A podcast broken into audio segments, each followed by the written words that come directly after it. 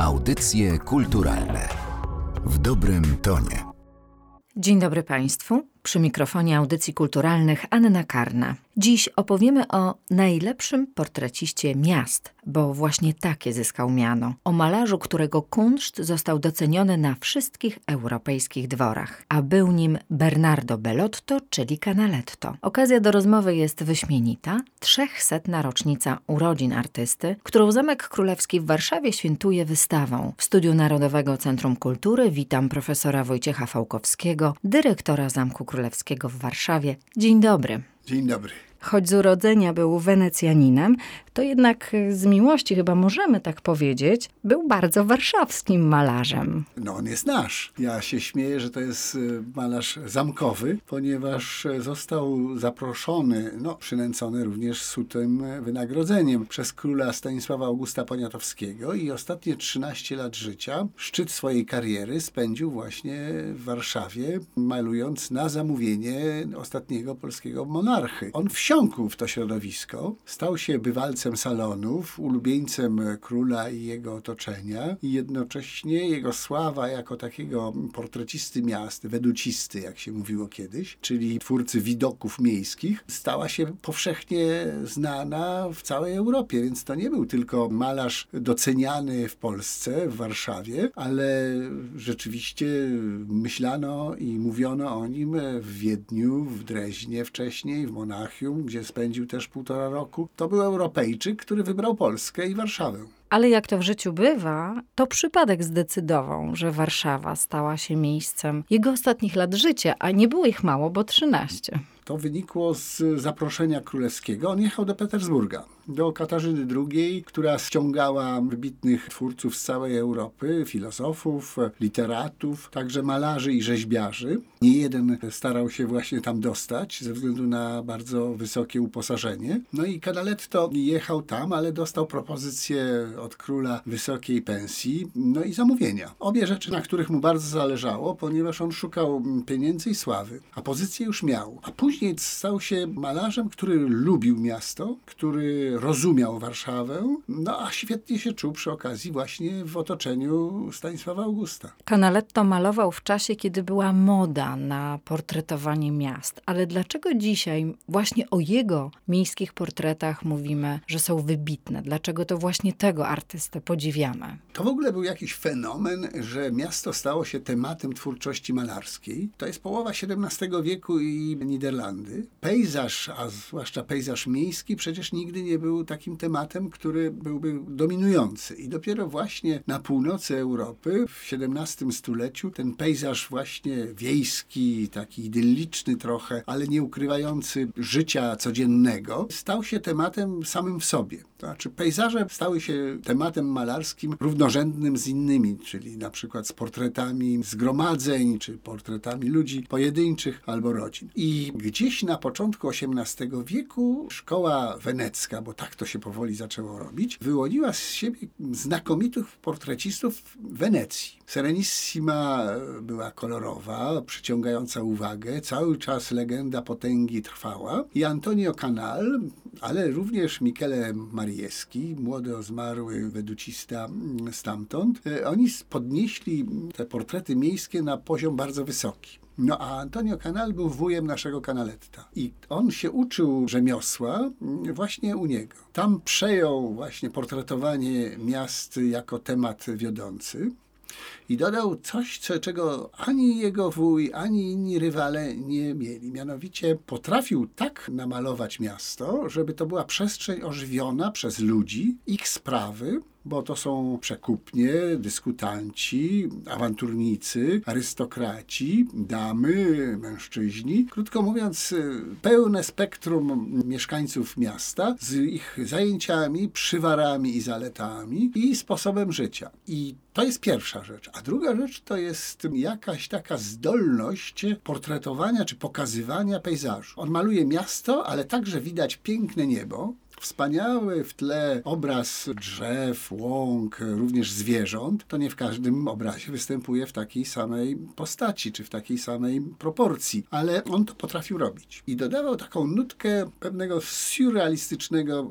ujęcia, takiego pokazania miasta, które trochę jest odrealnione, trochę takie nie wiadomo skąd wzięte. Krótko mówiąc, oprócz takiej fotograficznej czy dokumentalistycznej wierności, dodawał osobisty, własny talent, sprawiający, że ten obraz miał zupełnie inną wymowę niż tylko taka zwykła fotografia. A jak wierne były przedstawienia Canaletta? Bardzo wierne. On odmalowywał szczegóły i nie tracił z oczu widoku ogólnego. Jego perspektywy, ujęcia szerokie są naprawdę mistrzowskie, a detal jest częścią tego malarstwa i do tego stopnia jest on wierny, że możemy poznawać domy w Wenecji, bo zaczynał malować w Wenecji, na podstawie tego, co widzimy na jego obrazach. I druga rzecz, rekonstrukcje Warszawy po zburzeniu w czasie II wojny światowej przez Niemców odbywały się w części na podstawie obrazów właśnie Canaletta. Używano i dalej tak robimy, że korzystamy z nich jako źródła dokumentacyjnego. Tak jakbyśmy mieli właśnie wierną fotografię. Tyle tylko, że to jest y, obraz, który daleko przewyższa wierność i taką detaliczną dokładność y, fotografii. Jaką Warszawę widział Canaletto? Jakie to wtedy było miasto? Miasto o wielu obliczach. Na pewno była to rezydencja króla i magnaterii. Na pewno było to miasto, które wabiło kolorytem pięknych domów, fasadami pałaców arystokracji i pięknymi takimi prospektami, czyli widokami szerokiej panoramy miejskiej. Ale z drugiej strony jest to miasto zaułków, miasto właśnie biednych ludzi, zwierząt, które się tam gdzieś chowają czy przechadzają po ulicach, żebraków, więc ten inny, uboższy, a i tak czasami ciemny obraz miasta też jest widoczny. Nie bał się tych tematów. Nie, nie tylko nie bał, ale mam wrażenie po różnych takich fragmentach jego prac, że nawet ich szukał. Oczywiście, że on to trochę inscenizował. No, nigdy nie ma tak, żeby w jednym miejscu nagle był, było kilkadziesiąt, czy nawet ponad sto postaci. Więc on te ulice, place, zaułki zaludniał, ale brał te typy z, z rzeczywistego życia i wypełniał przestrzeń właśnie sytuacjami, nie tylko postaciami, ale te postaci funkcjonują społecznie. Rozmawiają, kłócą się, śmieją, coś robią. Bardzo częstym motywem jest rozwieszanie prania przez gospodynię czy praczkę. Więc takie obrazki rodzajowe też tam się pojawiają. I zawsze jest to oddane z dużym kunsztem, ponieważ on miał świetną rękę do takich również detali. Więc nie tylko to były różnego rodzaju stiuki, zdobienia, balustrady, które odmalowywał z domów, z budowli, ale to były również takie szczególiki dotyczące ubrania czy wyrazu twarzy. I to możemy odczytać. Wystawa, którą w tej chwili możemy podziwiać na Zamku Królewskim, to pierwsza w historii polskiego muzealnictwa tak szeroka ekspozycja dzieł Canaletta. W polskiej historii muzealnictwa nie było chyba takiej wystawy, na pewno nie było. Ostatnia taka pełna monograficzna wystawa miała miejsce chyba 60 lat temu, ale ta jest znacznie większa, no i, i pokazuje pełnię jego kariery. Jest ułożona chronologicznie, więc zaczynamy w Wenecji, później się udajemy do Wiednia, dalej Drezno i Pirna, taka posiadłość mm, saksońskiej dynastii. Jest również i Monachium po drodze, bo tam spędził e, prawie dwa lata. No i na koniec Warszawa. Wszędzie są widoki miast i widać rozwój jego talentu, pewne zmiany w sposobie malowania, no a przede wszystkim możemy podróżować po całej Europie, więc jeżeli ktoś chce teraz jechać w podróż po Europie, to niech zaczyna od Zamku Królewskiego. Muszę powiedzieć, że kiedy rozpoczyna się tę podróż z artystą i stoi się już w pierwszej sali, to to, co mnie olśniło, to biel. On w sposób nieprawdopodobny wręcz malował pałace. Ta biel jest magnetyzująca. Bo on był również mistrzem koloru, to znaczy on się nie bał koloru. Miał świetną kreskę, bardzo dobrze właśnie oddawał te szczegóły, bo wtedy ta zdolność rysunkowa jest widoczna, ale to nie był malarz, który był monochromatyczny, używał tylko bardzo wąskiej gamy kolorystycznej.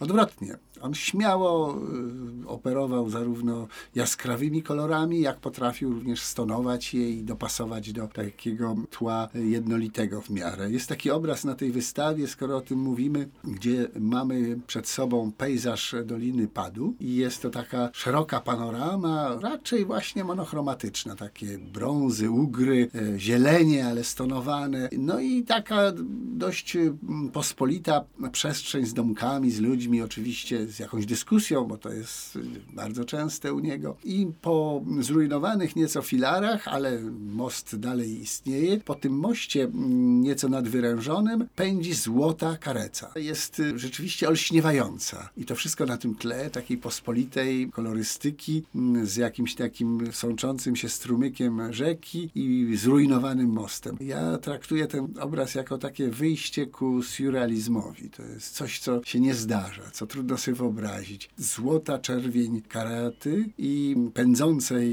z jakimś właśnie woźnicą na górze, no a wokół coś się rozpada, coś przestaje tak być interesujące. Ta kolorystyka jest zupełnie odmienna i taka nieco wyszarzała. Wystawa pokazuje różne etapy twórczości Bernardo Bellotto. Jak zmieniał się styl artysty? W jaki sposób artysta dojrzewał? On y, od początku miał dobrze opanowaną perspektywę. Tego się nauczył wuja. Druga rzecz, od początku wiedział, że ma być wiernym dokumentalistą tego, co widzi. Więc obserwacja była tutaj na pierwszym miejscu. Natomiast y, doskonalił niewątpliwie zarówno właśnie tą gamę kolorystyczną i umiejętność operowania paletą barw, a druga rzecz, no, potrafił oddawać taki miąższ e, tej materii. Na jednym z pierwszych jego obrazów, które mamy na wystawie z Wenecji, jest rozłożone płótno i ono jest takie dość płaskie, bardziej plama niż materia. A kilkanaście lat później takie samo płótno i na innym obrazie jest już czymś bardzo wyraźnie uchwytnym. Ma swoją głębię, ma swoją właśnie taką mięsistość.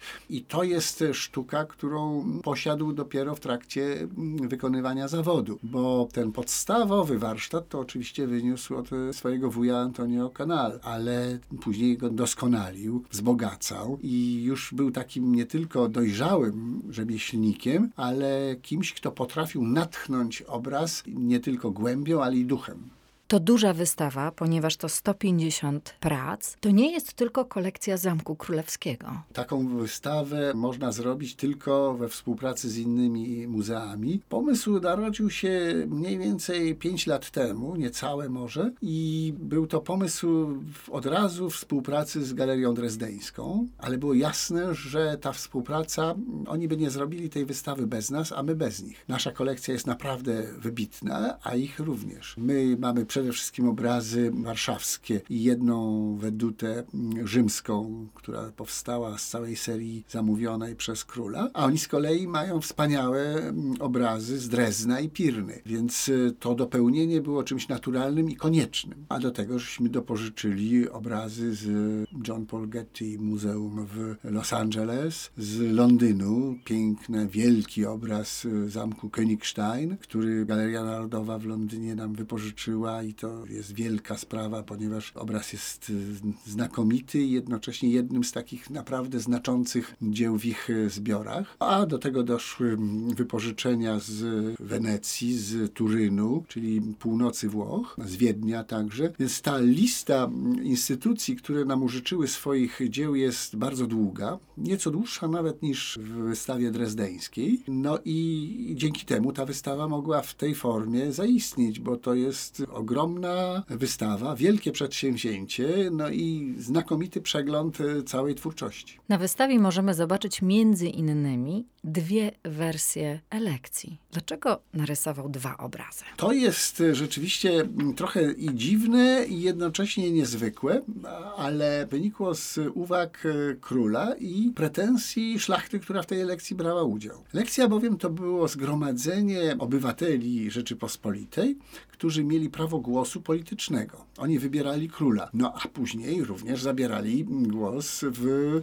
różnych sprawach publicznych. No i nie podobało im się, że nie wszystko zostało tak oddane, jak oni by chcieli. Czyli w drugiej wersji, pierwsza powstała w 76 roku, to jednak było 12 lat po elekcji, ale druga zaraz potem, no jednak tam zażądano, żeby drugi plan był pierwszym i odwrotnie. Prymas miał pretensję, że został został gdzieś schowany, więc go wysunięto na początek z brzegu. I również tam jest taki akcent, który rzeczywiście mało dostrzegamy, mianowicie jest zmieniona barwa konia. Na pierwszym planie jest rumak prowadzony, nie bez jeźdźca i mm, po pierwsze nie rozumiemy dlaczego, a jednak to jest rumak królewski. Monarcha ma na nim jechać i zmieniono maść z białej na taką gniado czarną i to było nawiązanie do tego mitu starożytnego o Zeusie, o bogu greckim, który jeździ na rumaku i rządzi całym padołem ziemskim, w tym wypadku Królestwem Polskim. No to była ewidentna aluzja do roli przywódczej króla, no i pokazywała jego ambicje, bo on miał te ambicje naprawdę duże. No jak to się później rozwijało, to znamy z lekcji historii często, ale tutaj zademonstrowano jego właśnie te pretensje do przywództwa naprawdę i do tego, żeby Rzeczpospolita była suwerennym państwem, bo tak to należy odczytywać. W tym wielkim bogactwie można coś przeoczyć. Które obrazy u Pana wywołują szczególny zachwyt? No niewątpliwie wszyscy jesteśmy pod wrażeniem tych obrazów Drezna, bo ich nie znamy na co dzień. Seria warszawska 22 obrazów, taka była pierwotna liczba tych obrazów, no to to jest coś wspaniałego, ale mamy to na co dzień. Trochę przywykliśmy do tego. To jest mistrzostwo zarówno rzemiosła, jak i właśnie takiego malarskiego ujęcia. Ale na przykład Kościół Świętego Krzyża, zrujnowany w czasie wojny w Dreźnie, z takimi małymi figurkami ludzi na samym szczycie, z taką drabiną sznurową, Ja nie wiem, jak oni po tym wchodzili, bo to trzeba było być sztukmistrzem niemal. No, to jest rzeczywiście coś, co mi się kojarzy z takimi znowu malarzami surrealizmu. Zupełnie absurdalna sytuacja, taki na poły zniszczony, zagruzowany plac z kikutem wysokim tego właśnie kościoła i sylwetki robotników na różnych piętrach i na samym szczycie. To jest rzeczywiście mistrzostwo pomysłu i od oddania tak wiernego, że można dokładnie oglądać okoliczne domy, a z drugiej strony, no właśnie ten taki zupełnie nierealny widok. Czy dzisiaj Canaletto wciąż jest modnym artystą? Czy pamięta się o jego dziele? I tak i nie. To znaczy, jeszcze do niedawna był takim znanym, niespecjalnie docenianym malarzem. Znacznie bardziej pamiętano o jego wuju Antonio Canal, ale od kilkunastu lat przeżywamy renesans tej twórczości i tego malarstwa. Rzeczywiście parę wystaw miało miejsce i w Monachium, i w Mediolanie, także z zestawieniem jego malarstwa z innymi portrecistami miast. Więc y, to się powoli wydobywa z niepamięci, może nie całkowitej, ale jednak wyraźnie widocznej. I co więcej, to się staje w tej chwili modne. Widzimy to także po cenach tych obrazów. Nasza wystawa z całą pewnością przyczyni się do rozgłosu i do takiego zwiększenia zainteresowania kanalettem, zwłaszcza, że jedna z książek, które wydaliśmy przy tej okazji jest dwujęzyczna, również po angielsku, więc y, myślę, że to bardzo bardzo pomoże recepcji tej twórczości, a z drugiej strony, no to rzeczywiście mamy pewne obawy, bo ja bym chciał jeszcze coś dokupić, no więc, a ceny mogą wzrosnąć. Ta wystawa potrwa do 8 stycznia 2023 roku, ale Canaletto na Zamku Królewskim pozostanie na zawsze. Rzeczywiście wystawa będzie trwała 3,5 miesiąca. Nawet nasi partnerzy drezdeńscy mieli pewną pretensję na samym początku, dlaczego ich wystawa jest o dwa tygodnie krótsza, ale potraktowaliśmy to jako taki żart trochę. 8 zamkniemy wystawę, 8 stycznia ale te obrazy, które są w posiadaniu zamku, pozostaną. Gabinet zostanie. Widok Kapitolu, który kupiliśmy niedawno, będzie do oglądania również, więc Canaletto nie zniknie z pejzażu kulturowego ani Warszawy, ani zamkowego. Zapraszamy na wystawę Bernardo Bellotto w 300. rocznicę urodzin malarza. Gościem audycji kulturalnych był profesor Wojciech Fałkowski, dyrektor Zamku Królewskiego w Warszawie. Dziękuję bardzo za spotkanie. Dziękuję. Audycje kulturalne w dobrym tonie.